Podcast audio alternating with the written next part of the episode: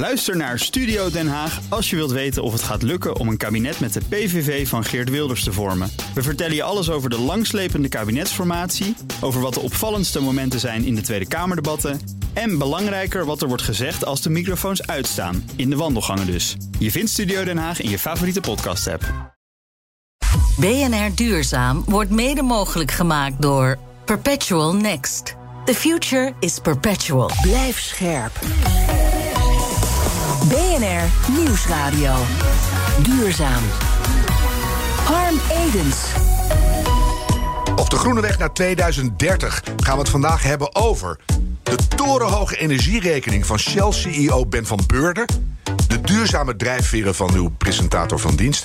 en de enorme hoeveelheid rondslingerende mondkapjes in Nederland. Het is denk ik niemand ontgaan. We zagen al in het voorjaar dat meer koeten er nesten mee bouwden. Overal waar je kijkt zie je mondkapjes op straat liggen. En als ze daar liggen, komen ze ook in beken en rivieren terecht... en in het riool. Ze worden een steeds grotere bedreiging voor het milieu. In een nieuwe studie onlangs gepubliceerd in Nature... waarschuwen wetenschappers voor de enorme toename van rondslingerende mondmaskers. Tussen maart en oktober vorig jaar zagen we in landen als Nederland, Spanje, Duitsland, Australië, Canada, Frankrijk en de Verenigde Staten een 84voudige toename. Ja, dat is natuurlijk niet de bedoeling. Eerst die dingen opzetten om elkaar niet ziek te maken en daarna het klimaat ermee vermoorden. Gooi ze zorgvuldig weg. Je hebt werkelijk nog nooit zo makkelijk iets bij kunnen dragen aan een betere wereld. Ik ben Harm Edens, dit is BNR Duurzaam... en ons groene geweten is deze keer Yvette Watson van de To Be Collective. Haar bedrijf zet games in om hele grote groepen mensen te activeren... naar een betere, duurzame toekomst. Yvette, eh, jij had een bijzonder bericht meegenomen om deze aflevering mee te beginnen. Een FD-artikel van twee weken geleden. eh, dat ging over het verduurzamen van de Shell-villa van eh, meneer Van Beurden. Vertel. Ja, nou, dat leek me heel gepast eh, een beetje aan het einde van het jaar. Want na alle opinie over het klimaatbeleid van de nieuwe formatie... ja, wilde ik jullie toch wel even verblijden met dit pareltje van een artikel. Eh, zoals jullie vast hebben meegekregen... heeft Ben van Beurden, CEO Shell, zijn huis op funda gezet. En eh, in dat kader heeft het FD onze kick-ass ondernemer... Suze Gehem en Lars Boele gevraagd of eigenlijk om ongevraagd advies te geven. En dat vond ik zo briljant. Want zijn huis staat te koop voor 6,5 miljoen. Eh, 678 vierkante meter, 9 slaapkamers, 5 badkamers... zelfs een sportruimte, inclusief infraroodsauna. Het stond er allemaal op. En eh, ja, label G, want niet bekend bij Milieucentraal. Nou, dit artikel beschrijft hilarisch op welke wijze... ehm, ja, op welke kansen Ben van Beurden allemaal in kan spelen... om zijn huis te verduurzamen. Natuurlijk van het gas af, isolatie... maar ook een zonnepergola met PV in zijn gigantische tuin... aquathermie eh, in de sloot langs zijn huis... ledlampen in de kroonluchters, ga zo maar door. Ja, en dit allemaal voor een luttele ton... kan hij zijn prachtige villa verduurzamen. Eh, ja, dus met een geschatte energierekening van 4800 euro per jaar... natuurlijk best wel massive... maar kan die wel gewoon terug worden verdiend in 15 tot 20 jaar. Ja. Dus ja, wat ik nou briljant vond aan dit artikel is... eh, wat, wat zou er nou gebeuren als wij de waarde van huizen eh mee gaan wegen, of de, de waarde gaan meewegen in wat de investering zou moeten kosten als we dit allemaal energie-neutraal moeten krijgen, Ja. of in, in balans met het klimaat. Het zit natuurlijk al een beetje verstopt in een energielabel. Hè? Dus Ja, je denkt, een heel laag label, mm, dat wordt Zeker, maar als we nou op Funda gaan vermelden wat het nou gaat kosten om dit, deze woning ook nog eens een keer toekomstbestendig Ja. te maken, nou, dan kunnen we dat meewegen. Yvette, dankjewel. Het wordt een wat andere uitzending dan jullie van ons gewend zijn. Op verzoek van de redactie draaien we de rollen om. Dat kan ik niet genoeg benadrukken. Collega John van Schagen en Yvette gaan de vragen stellen. En ik mag ze beantwoorden. Nou, laten we maar beginnen. BNR Duurzaam. Hij werd geboren in Enschede op 4 augustus 1961. En als je wilt weten hoe hij zijn nogal ongewone jeugd beleefde... dan verwijs ik je graag naar zijn boek Volkomen Onnatuurlijk Gedrag. Ligt inmiddels in de winkels. We gaan met hem in gesprek over zijn inspiratiebronnen... en liefde voor de planeet. Harm, van harte welkom in je eigen Ja, uitzending. dankjewel. Ja, heb je er zin in? Ja, dat wel. Het is Beetje altijd- spannend? Nou, dat gaat wel, maar ik, ik zit altijd veel liever aan de vraagkant. Want daar ligt veel meer mijn eh, toegevoegde waarde dan in de briljante antwoorden. Maar ik ga mijn best doen. Ja, en dat gaan we doen aan de hand van een aantal fragmenten... die je zelf hebt uitgekozen. Laten we even beginnen met de eerste. Laten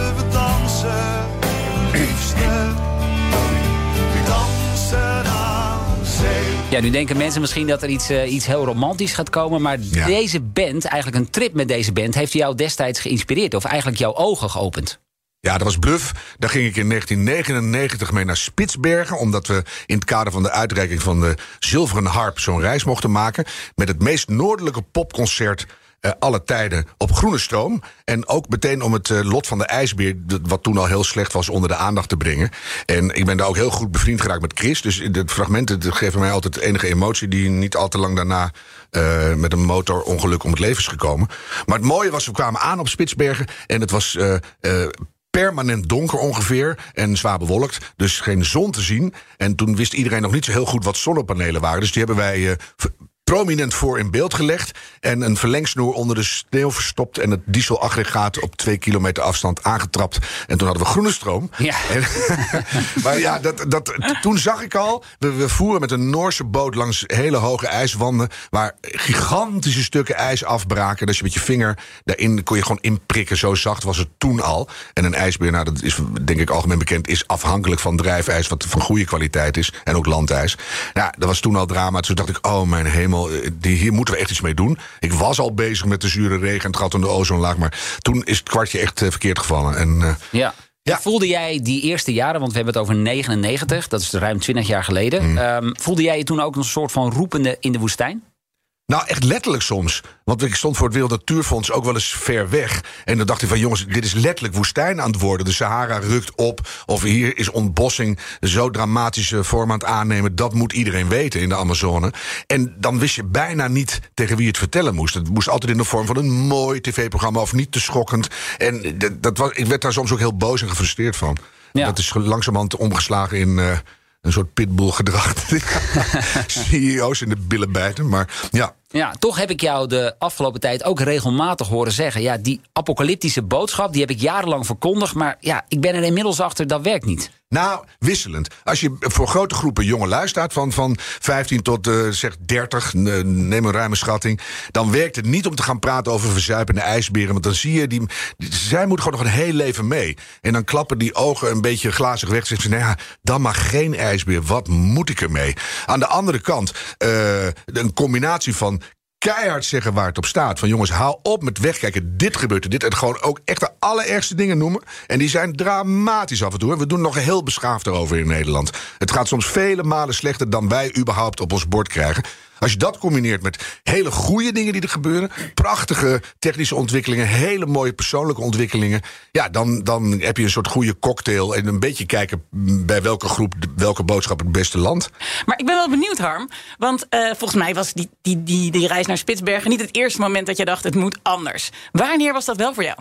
Was, was dat al de jongere leeftijd? Nou, Wanneer was, dacht je. Dat was echt nu? bizar hoor. Dat was in, in 1972 kwam het rapport van uh, de Club van Rome. Ja. Met, met een aantal mensen werk ik nog steeds samen nu. Dus dat kon ik toen ook niet voorzien. Limit to the growth, grens aan de groei kwam uit. En dat was net na, of een paar jaar na Biafra, wat ik niet begreep. En na de tapijtbombardementen in Vietnam, wat ik als jochie niet begreep. Toen kwam het derde ding. Ik las dat in de krantensamenvatting. En ik begreep het natuurlijk niet helemaal. Maar ik kreeg wel het idee mee van eindeloze groei. Dat kan helemaal niet. Ja. En toen kreeg ik een soort een hele rare mindset van... jongens, maar um, hoe gaan we dat dan doen? En dat ben ik eigenlijk nooit vergeten. En toen, ja, ja dat is echt zo'n kind van de jaren zeventig. Dus de, de hup, zure regen moet eruit. En het gat om de ozonlaag moet weg. En die, die neutronenbommen opsodemieteren. En, en, ja, en toen kwam die hele klimaatscheisse. En, en dat was niet met één demonstratietje op te lossen. Nee. Dus toen hadden we echt uh, een serieus probleem. En dat is er nog steeds. En hoe heb jij je rol gevonden in nou, de, de beweging die je wil bewerkstelligen? Je bent bij BNR gekomen, uh, je rol in de media. Heb je die ook bewust om die reden opgezocht? Of? Ja, dat is wel echt zo gegroeid vanuit het uh, ambassadeurschap van het Wereld Natuurfonds. Want ik was al veel met ze aan het doen, maar door de reis naar Spitsbergen ben ik officieel ambassadeur geworden voor What It's Worth. En dat is nu uh, 23 plus jaar of zo. En dan krijg je ook wel hele state-of-the-art informatie van hoe gaat het en wat kunnen we ook doen vanuit zo'n club. En dan zoek je ook kanalen daarvoor. En als je ergens mee omgaat, word je erdoor besmet. Goede vergelijking in deze tijd. En dan, dan gaat dat gewoon rollen. En dan merk je ook, hey, door je rol als mediafiguur, hoe, hoe raar dat soms ook is, kan je gewoon dingen verbinden of uh, op de kaart zetten, Ja. of versnellen, of aanduwen, of in de wielen rijden. Nou ja, en dat ben ik toen maar gaan doen. En dan houdt het niet meer op. Dus ik kan nu 90 uur per week. Uh, uh, klimaatdingen doen. Dus- Ja, heel goed. We gaan luisteren naar het uh, volgende fragment. The concept is this make ecocide an international crime. What do we mean by ecocide? Quite simply, the destruction of ecosystems. Just as homicide is killing a person or genocide is destroying a people. Ja, we wilden van jou weten welke duurzame frontrunner inspireert jou. Ehm, wie is dit? Ja, dat is mevrouw eh, Jojo Meta, Mitha, hoe je het zeggen wil, van eh, Stop eh, Ecocide International.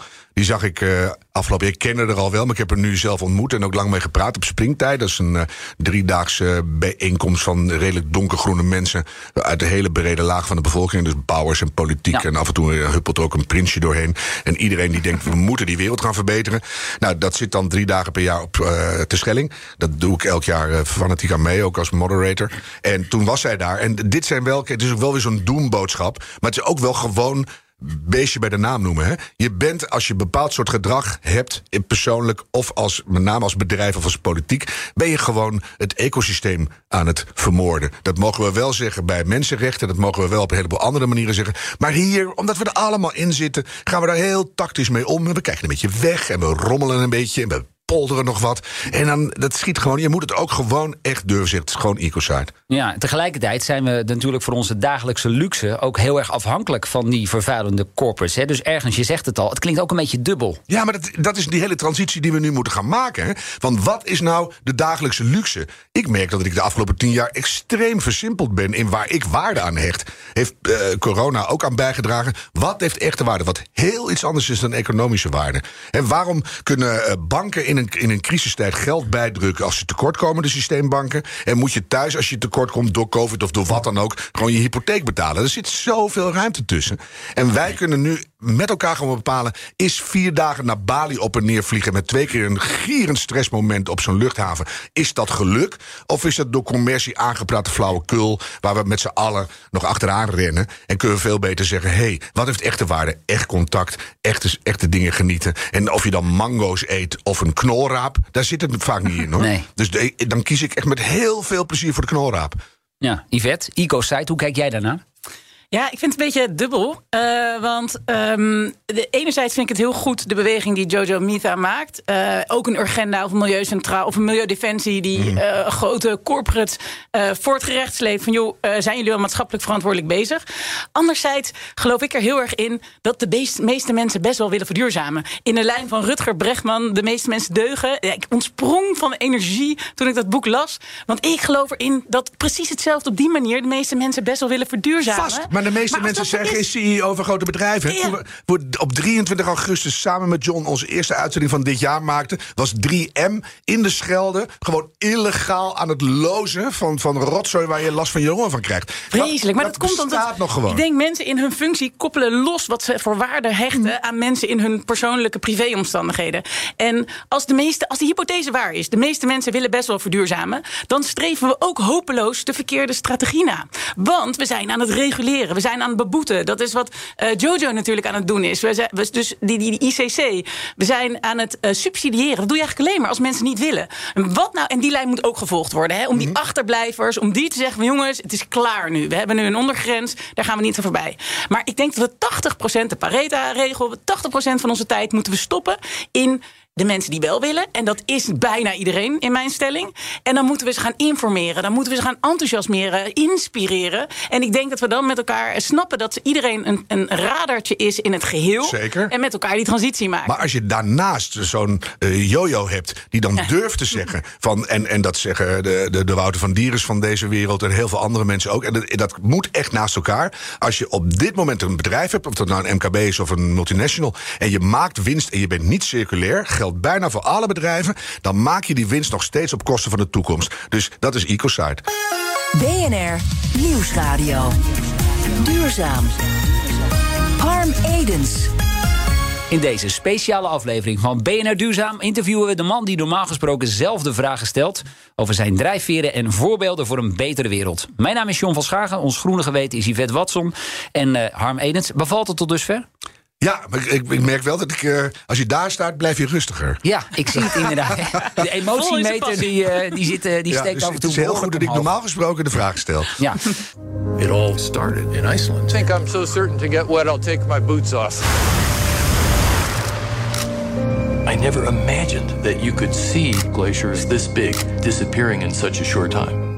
Ja, dit was het eh, volgende fragment. Ik had die muziek niet hoor, daar heb ik alweer kippenvel en... eh, Ja, ik zie het aan je. Ja, meer. Chasing Ice, de Chasing documentaire. Waar, waar gaat die over? Nou, dat is eh, een, een groepje wetenschappers die bij vier of zes van de grootste gletsjers op de wereld, dus Groenland en waar zit het allemaal, camera's ophangen. En die maken elk jaar een foto, of elk uur een foto. En na een jaar tig zetten ze die foto's achter elkaar, krijg je dus een klein filmpje. En dan zie je dat ijs zo achteruit rennen. Heel confronterend. Het is afschuwelijk. En het is, die film bestaat al lang. Het is een van de zes, zeven films die ik samen met Maurits Groen in Nederland voor het grote publiek eh, naar binnen heb gebracht. Eh, De Age of Stupid en Silent Snow en pas nog Beyond Zero. Dat zijn allemaal goede dingen om naar te kijken. Maar in deze film, en dat kan je op YouTube als los stukje zien, daar zit een moment dat eh, een van die onderzoekers zijn tentje heeft opgeslagen. En dan is hij aan het bellen. En dan ineens hoor je een soort rage kraak. En dan zegt hij. En dat, dat is echt het allerergste moment uit de film. Zegt Peter, eh, wait, I think it's starting. En dan heeft hij per ongeluk zijn tentje aan de rand van een gletsjer eh, opgesteld... die op dat moment begint te ontploffen. En dan zie je een instorting van een ijsvlakte gigantisch groot. Je weet helemaal niet waar je naar kijkt. En op een gegeven moment gaat dat over naar een collegezaal in Cambridge of weet ik veel waar. En dan legt een, eh, hoogleraar uit waar je nou naar kijkt. En dan komt er een plattegrondje op de ijsvlakte die op dat moment aan het kolken en aan het instorten is. En dan blijkt dat ter grootte te zijn van de, eh, de helft van Manhattan, de zuidkant van Manhattan. En de ijs. eh, pieken die je omhoog ziet schieten, die zijn twee keer eh, de, hoogte van de Empire State Building. Dus zo groot is dat, wat daar voor je bam weg. Nou, dan denk je, oh jongens, en dit gebeurt dus aan de lopende band, hè? Ja, ik ken de film. Hij maakt inderdaad heel veel impact. Goed, ehm, tijd voor het laatste fragment. Eh, Harm, wij maken dit wekelijkse radioprogramma sinds september. En in aanloop daar naartoe zei jij af en toe... eh, mensen naming en shaming graag. We moeten man en paard noemen. Eh, laten we even gaan luisteren. Korte Kaas, die teamleider was op de fabriek, zegt dat hij veel collega's ziek heeft zien worden. Ik heb in het stof gestaan van de kooksenbrikken de meest eh, vreselijke eh, eh, klussen gedaan in vieze, ja, vieze stoffen en gassen. En het is eigenlijk een wonder dat ik nog leef. Tata Steel. Steel. Daar gaat dit over. Goed Waarom wilde je het daarover hebben? Nou, weet je, ik, ik praat veel met bedrijven en dan zie ik dat ze hele goede dingen doen. En dan doen ze ook heel veel slechte dingen. En die komen pas aan het licht als er ter plekke iemand van een glimmer, eh, klimrek stort... omdat het vol met zwarte stof zit, omdat de, de ziektecijfers omhoog gaan. Dan denk ik, dat moet gewoon verleden tijd zijn. Dat niet iedereen nu al circulair en schoon is, dat weten we wel. Geef gewoon eerlijk aan waar je staat, wat je aan het doen bent... wat je zoektocht en je worsteling wordt. Laten we allemaal helpen, want we hebben Tata Steel ook nodig... voor de windmolens, voor een heleboel dingen die we willen, willen verduurzamen. Maar ga dat niet doen als eh, politiek een rapport is... of als er een rechtszaak boven je hoofd hangt. Vind ik super ouderwets. Hetzelfde met McDonald's, hè, die nu via YouTube... toch reclame maakt voor kinderen. En dan, ja, het is volgens de wet. Dat vind ik gewoon echt schandalig. Eh, Zorg voor een fatsoenlijke bedrijfsvoering... en geef in alle transparantie aan waar je zit en waar je heen wil. Vraag om hulp, durf het fout te doen... maar niet dat 3M illegaal... We zijn niet verdomme in de jaren 70 nog steeds, hè? Dus illegaal een beetje... het- hoe lang komen we ermee weg? Nou, dan blijven we dat maximaal proberen. Nee, niet meer doen. Nee, en dus in, in feite zeg jij inderdaad Tata Steel... goed dat ze nu in beweging en komen. maar zonnepanelen mensen, maken en hippe energie Hadden we dat maar iets eerder gedaan? Ja, geef gewoon eerlijk toe van jongens, eh, eh, eh, als we snel willen verduurzamen, hebben we hulp nodig. Want het is gewoon heel moeilijk. En niet, niet verdoezelen. Ja, ik ben het helemaal met je eens, Harm. En ik denk, ehm, om daar een aanvulling eh, aan toe te voegen... ehm, volgens mij hebben we eh, ook gewoon... eh, altijd de verkeerde business case gemaakt of zo. Of die bedrijven. Dus als we, eh, als we, we zetten het namelijk af tegen, weet je, wat als we een investering doen, dan verdienen we terug in een bepaalde tijd. Dat is een beetje het economisch denken van een organisatie. Maar wat nou als we niets doen? En dan heb ik het dus over maatschappelijke kosten baten. We kunnen al een tijdje dat goed kwantificeren, financieel maken, monetariseren.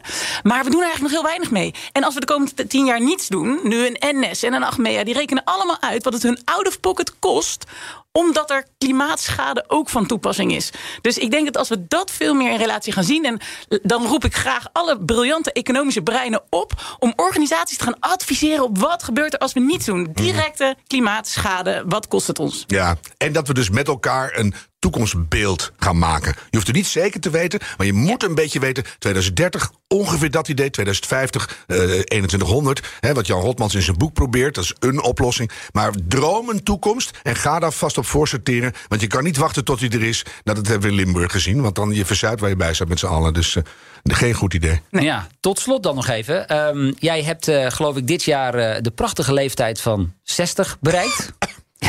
ja, ehm, mijn slotvraag.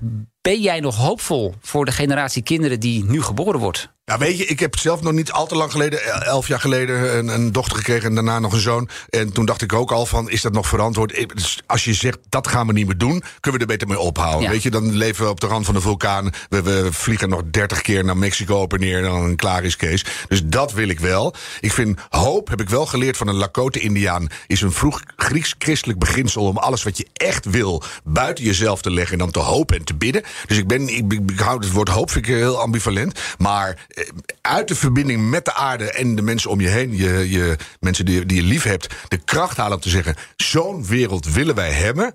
Dat moet je gewoon durven doen. Dus vanuit, dat, vanuit het uh, buikgevoel en, en je hart naar je hoofd. En oh, het klinkt heel zweverig. Maar dat je er ook echt iets bij voelt. Want als je er niks bij voelt, blijft het cijfertjes en winst en gelul.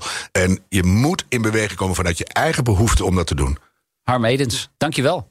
Dominee Edens, dankjewel. ja. ja. Yvette, wat denk je? Zullen we hem nog een keertje uitnodigen? Uh, nou, lijkt me een heel goed idee. Mag ja. ik dan ook weer aanschuiven? Nou, ik heb ja. nog heel wat vragen te stellen namelijk. Ja, maar even toch nog één slotvraag aan jou. Wat ga jij meenemen en vanavond doorvertellen aan de keukentafel? Um, ja, ik, ik werd wel even getriggerd door het stukje politieke uh, gesprek wat we hadden. En ik geloof dat zowel links als rechts beide bijdragen aan een vertraging van klimaatactie. Want we zijn continu aan het polariseren. We zijn continu eigenlijk aan het wegschuiven van de ander. Terwijl als we nou eens gaan verbinden en alle partijen gaan bekijken wat zij als steentje bij gaan dragen, volgens mij gaan we dan vele malen harder. Ik heb dat zo vaak in die Tweede Kamer nu geroepen. Hè? Uh, rapport brede welvaart. Klimaat is niet lichtgroen of donkerbruin. Nee, joh, geen het is van ons allemaal. Ja, dankjewel, Yvette.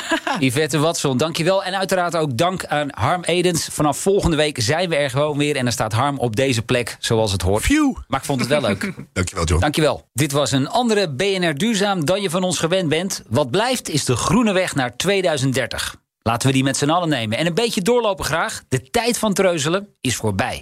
BNR Duurzaam wordt mede mogelijk gemaakt door Perpetual Next. The future is perpetual.